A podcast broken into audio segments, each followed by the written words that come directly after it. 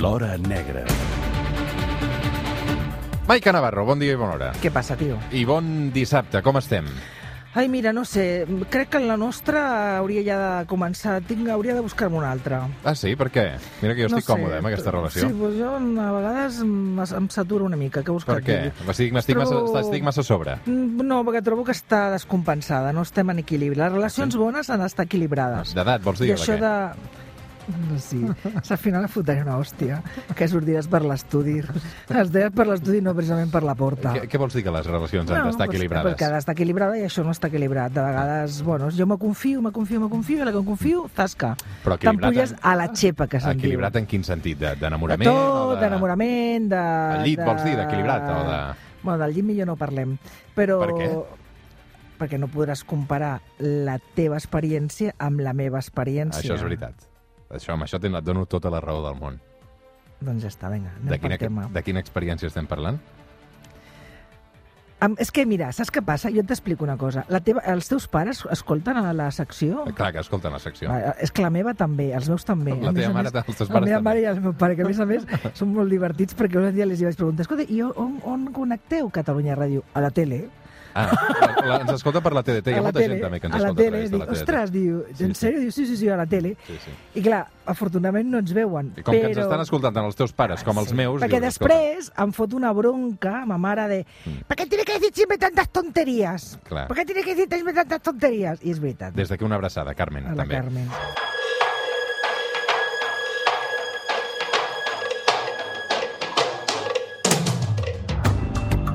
Bé, això és l'Hora Negra, a l'espai de crònica obscura i de successos que fa la Maica Navarro al suplement des de ja fa un parell d'anys. Avui parlarem d'un cas de Ramon Lasso. Ramon Lasso, un assassí en sèrie que hem tingut eh, ben a prop de casa i és una història rocambolesca, és una història llarga, per tant, molta atenció. Ens hem de remuntar al 1988, quan la seva dona va aparèixer morta, Maica. Doncs sí, es tractava de la Lola Camacho, que en aquell moment tenia només 25 anys, i va aparèixer morta a les vies del tren d'Amposta. Aparentment es tractava d'un suïcidi. Hauria posat el cap a, a la via i s'hauria deixat decapitar pel tren. Aleshores, en Ramon havia treballat en un bordell amb el seu cunyat, el germà de la Lola, i aquí s'estableix una relació també una mica perversa, Sí, no? perquè en aquest bordell d'Amposta tots dos regentaven aquest establiment. En Ramon feia de proxeneta i també era l'encarregat de reclutar noves prostitutes pel local. Però pocs mesos abans de, de la mort de la Lola, el Ramon i el seu cunyat es van discutir, eh, era una qüestió econòmica sobre la marxa del negoci, van tindre una gran bronca. Per tant, ens situem amb aquesta mala relació entre cunyats el 9 de juny de 1988, el dia del suposat suïcidi de la Lola. El Ramon aleshores treballava també com a enterrador al cementiri d'Amposta i Sí. quan va arribar el cos de la Lola, el cos de la seva dona, Sí. va passar això. Estava tapada en una manta, me l'ensenya, ah, la destapa i li agafa el cap de la dona, li agafa dels cabells i me l'aixeca aguantant-la dels cabells però cap a l'aire. I a mi això, evidentment, clar, no em va agradar. Ramon, venga, déjala al sitio que estaba y que ya la veré mañana. No quiero verla más. Venga, nos vamos de aquí. Això que sentim és un fragment d'un 30 minuts, es diu El cos del delicte, on la companya de TV3, la Fàtima Llambric, eh, va entrevistar el llavors encarregat eh, del cementiri, i el que explica és que, clar, que, que el Ramon jugués amb el cadàver de la seva dona així d'entrada un cop va arribar, um, ja demostrava una mica la personalitat del personatge i també aquesta actitud sospitosa, no? De fet, ja compaginar la feina de proxeneta amb un bordell, amb treballar hores amb, amb el cementiri d'Amposta, ja era com a mínim una mica inquietant.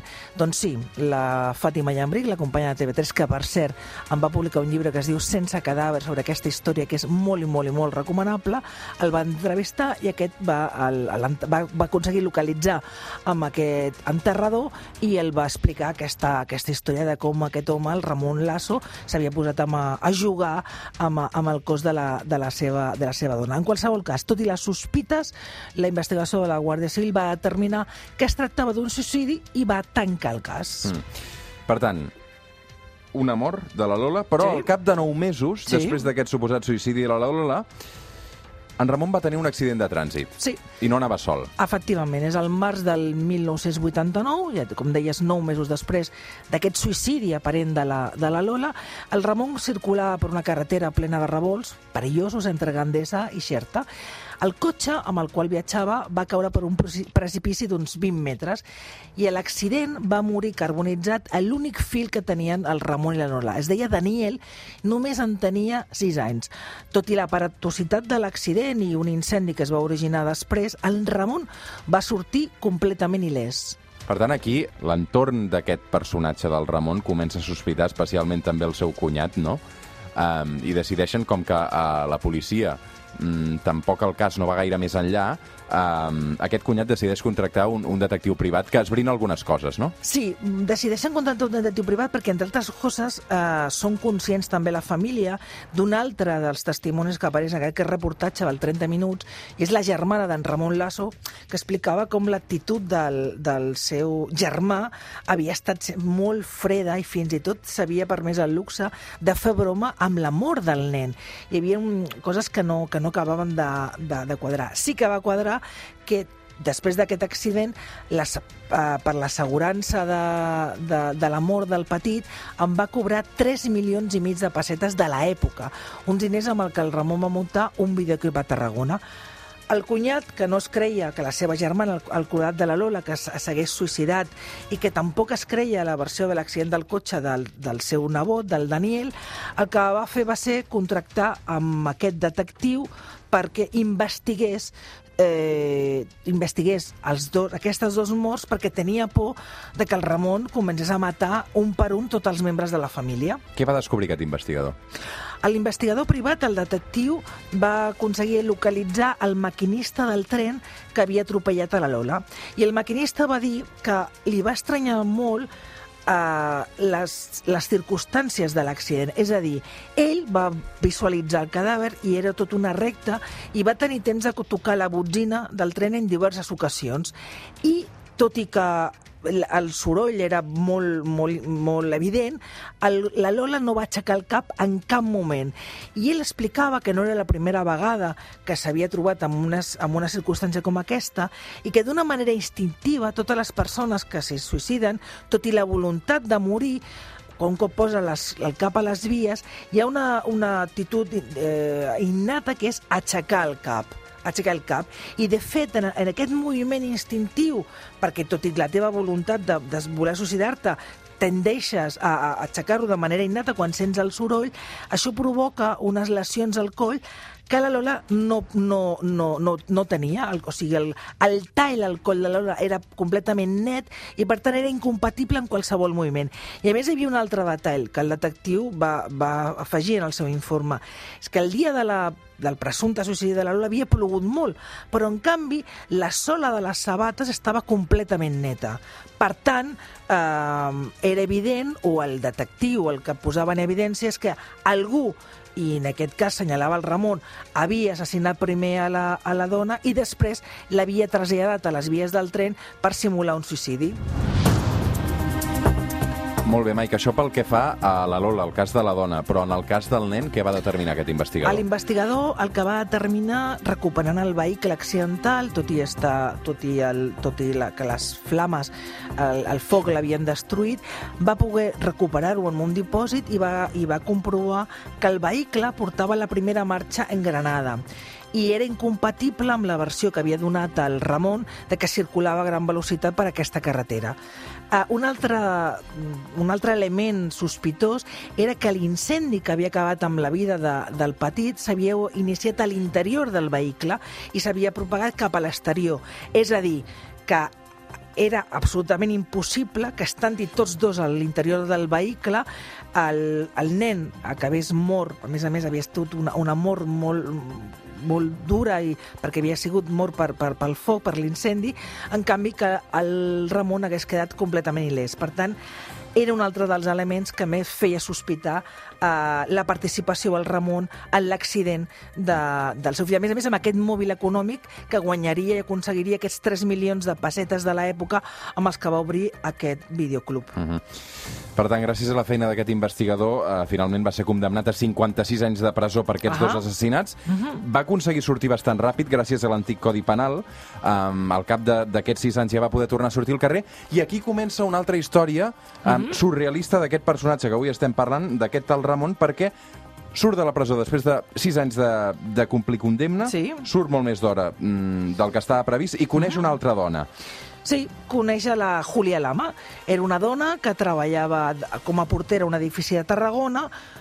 Va ser un enamorament allò, molt, molt, molt repentí i en principi de, de, de, de tots dos i se'n van anar a viure junts. Mm. Escolta'm, um, per tant, coneix aquesta altra dona, s'enamoren, però és una persona poc fidel. Sí, de fet ja ho havia, ja havia passat també amb, amb la Lola i amb la Júlia Lama reprodueix el seu, el seu esquema, que és mantenir relacions paral·leles amb altres dones. En el cas de la Júlia, però, eh, s'afegia un altre element eh, inquietant o sospitós, i és que el Ramon es va embolicar amb la germana de la Júlia, que era la Mercedes. La Mercedes, que a més a més estava casada, casada amb, amb un home, amb el Maurici, amb el que tenia, mm, bueno, tenia una bona relació. déu nhi quin cunyat, eh? Um, escolta'm, uh, la situació fa un gir el 27 de març del 2009, anem avançant d'edat, eh? però és que clar, uh, la Júlia i el seu cunyat, uh, en Maurici en aquest cas, desapareixen, eh? Sí, sí, sí. La Júlia i el, i el seu cunyat, el Maurici, que era el, el, el marit de la, de la, el marit de la, de, la, de la germana de la Mercedes, que era aquesta nova... Eh, bueno, de, de, desapareixen. Eh, en aquell moment, el Ramon el que feia és que estava regentant un bar. Uh, un bar i un or a Tarragona, un, bor, un or d'aquests urbans uh, a prop de, de Tarragona, i que cuidava amb, amb, amb, amb el Maurici. Com molt bé deies, el 27 de març uh, desapareixen i aleshores la Mercedes eh, que havia quedat amb el seu marit, el Maurici, que la passaria a buscar per la feina a les 3 de la tarda, és qui dona la veu de, de. I com que no apareixia, va anar a buscar... Bueno, qui va aparèixer va ser el Ramon. Va arribar molt nerviós, amb la cara vermella, sense les seves ulleres, sense poder parar de beure aigua, i dient que havia descobert que la Júlia, la seva dona, i el Maurici, el seu cunyat i alhora marit de la seva amant, de la, de la Mercedes, tenien una aventura que els havia descobert i que tots dos havien decidit fugir junts. O sigui, ja s'inventa una història com a coartada, no? Rocambolesca. Uh, una història que no sé si els Mossos es van creure o van començar a investigar aquí, Maica. La Mercedes, en un primer lloc, es va quedar molt parada i, de fet, no sabia, que, no, no sabia què fer i en un primer moment li va donar credibilitat en el sentit de que ella, que havia estat capaç de tenir aquesta aventura amb el Ramon, doncs bé, va considerar que era possible que el seu home tingués aquesta aventura amb la seva germana. Però després va anar a casa del Ramon i la Mercedes va descobrir que la Júlia, la seva germana, no s'havien portat absolutament res. I, per tant, ostres, la tesis de que l'havia fugit sense res començava a, bueno, a, a, a fer aigües. Fins i tot el cotxe de la Júlia estava estacionat en el lloc de sempre. I el mateix passava amb en Maurici, amb el seu home, que tampoc s'havien portat absolutament res de res. La Mercedes va ser la que va anar als Mossos per denunciar eh, la desaparició del seu home i de la seva germana, tot i que el Ramon va insistir molt i molt i molt en que no anés, que ja els estava bé que haguessin marxat, perquè així tots dos podien començar a viure junts, que és el que volien des de que s'havien embolicat. De totes maneres, mm, la Mercedes no es quedava tranquil·la i tot i que els primers dies va dubtar i era veritat que aquesta possibilitat d'estar amb el Ramon d'una banda la, li venia de gust, va eh, acompanyada d'una amiga, se'n va anar a presentar aquesta denúncia. Maica, uh, quan els Mossos investiguen um, aquest Ramon, uh, com es defensa de tot això? Perquè, clar, aquí uh, hi han coses que no s'aguanten per enlloc, no? No s'aguanta per enlloc i t'has d'imaginar la cara de la Mercedes quan van a presentar la denúncia i les primeres, les primeres interrogatoris que va tenir, les primeres converses que va tenir amb els Mossos d'Esquadra, quan va descobrir que l'home amb el que havia estat casada la seva germana i del que ella havia estat amant durant molt de temps, eh, la seva dona i el seu fill primers no havien mort de la manera que els havia explicat sempre, sinó que ell era el responsable i que, a més a més, havia estat condemnat a que tota aquella, aquella condemna de la que només havia complert uh, Sis els sis anys. És, és a dir, no li va explicar mai que havia estat a Mai. la presó, ni que Mai. el seu fill ni la seva dona havien uh, Mai. mort uh, o assassinat a les seves mans, evidentment. Tot No. això li havia estat amagant. I com deies, al, en els primers interrogatoris dels Mossos d'Esquadra amb el Ramon, doncs es, molt, es mostra molt col·laboratiu, controla en tot moment les seves reaccions, es explica la mateixa versió que el va donar a la Mercedes i els hi diu que la Júlia i el Maurici han fugit a Morella, al País Valencià, on viu un fill que la Júlia havia tingut amb un altre matrimoni. Per tant, Maica, aquí els Mossos tenen aquest fil per estirar, que és el fill de la Júlia que vivia a Morella. Sí, i els Mossos baixen a Morella, entrevisten el fill de la Júlia i es queden sobtats perquè el fill de la Júlia que els explica és, un, que no en sap absolutament res de la seva mare, ni tampoc del Maurici, nega rotundament que fossin a Morella, però sí que els explica que en Ramon Lasso havia anat a Morella per parlar amb ell uns dies abans, però que ell no l'havia volgut rebre. I desmuntant aquest relat sobre aquesta fugida a Morella, al cap d'uns dies, Maica, algú, fent-se passar precisament pel Maurici, truca al diari de, de Tarragona per explicar que ell i la Júlia estan bé i que deixin de buscar-los, no?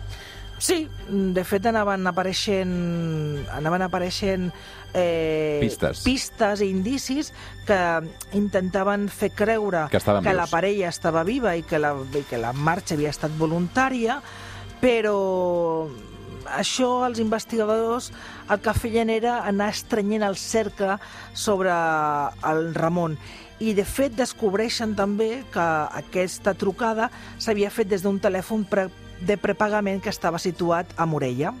I ara tornem al 30 minuts de la Fàtima Llambric. Yo, en mi punto de vista de homicidio, y porque he estudiado o he visto en el periódico o en el visto en el Código Penal y cosas esas, homicidio es porque tiene que haber un cadáver. Porque homicidio no se puede decir porque se ha roto un jarro. No, es porque hay un cadáver.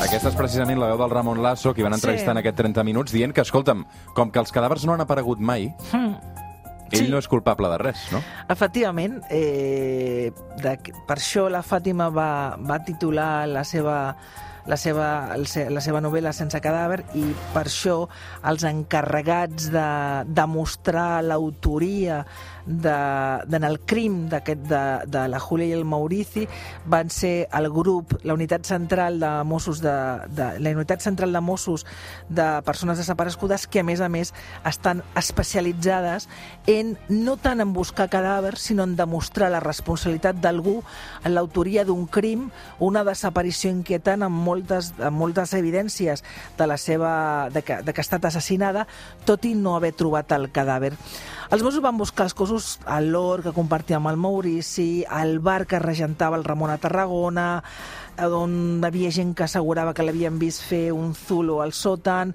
També es va investigar als voltants del cementeri d'Amposta, on Ramon havia treballat, aquell temps que havia jugat amb el cadàver de l'hora la seva primera dona, però els cossos no van aparèixer per enlloc mai.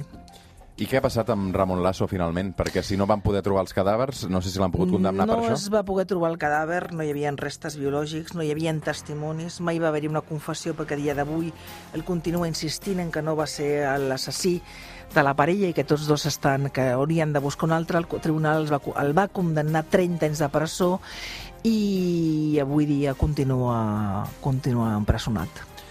Avui amb la Maica Navarro, el cas de Ramon Lasso.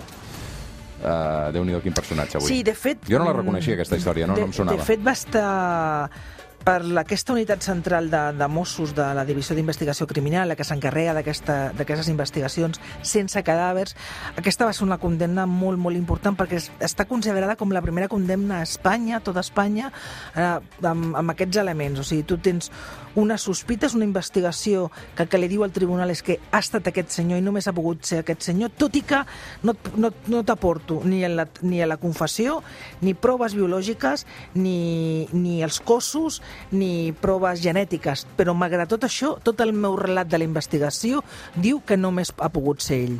Ara insisteixo, molt recomanable el llibre de la Fàtima Llambric, on deixa la porta oberta que cada lector es faci la seva hipòtesis i arribi a la seva conclusió si el Ramon Lasso és o no és, és o no culpable. Fem una pausa i ara tornem.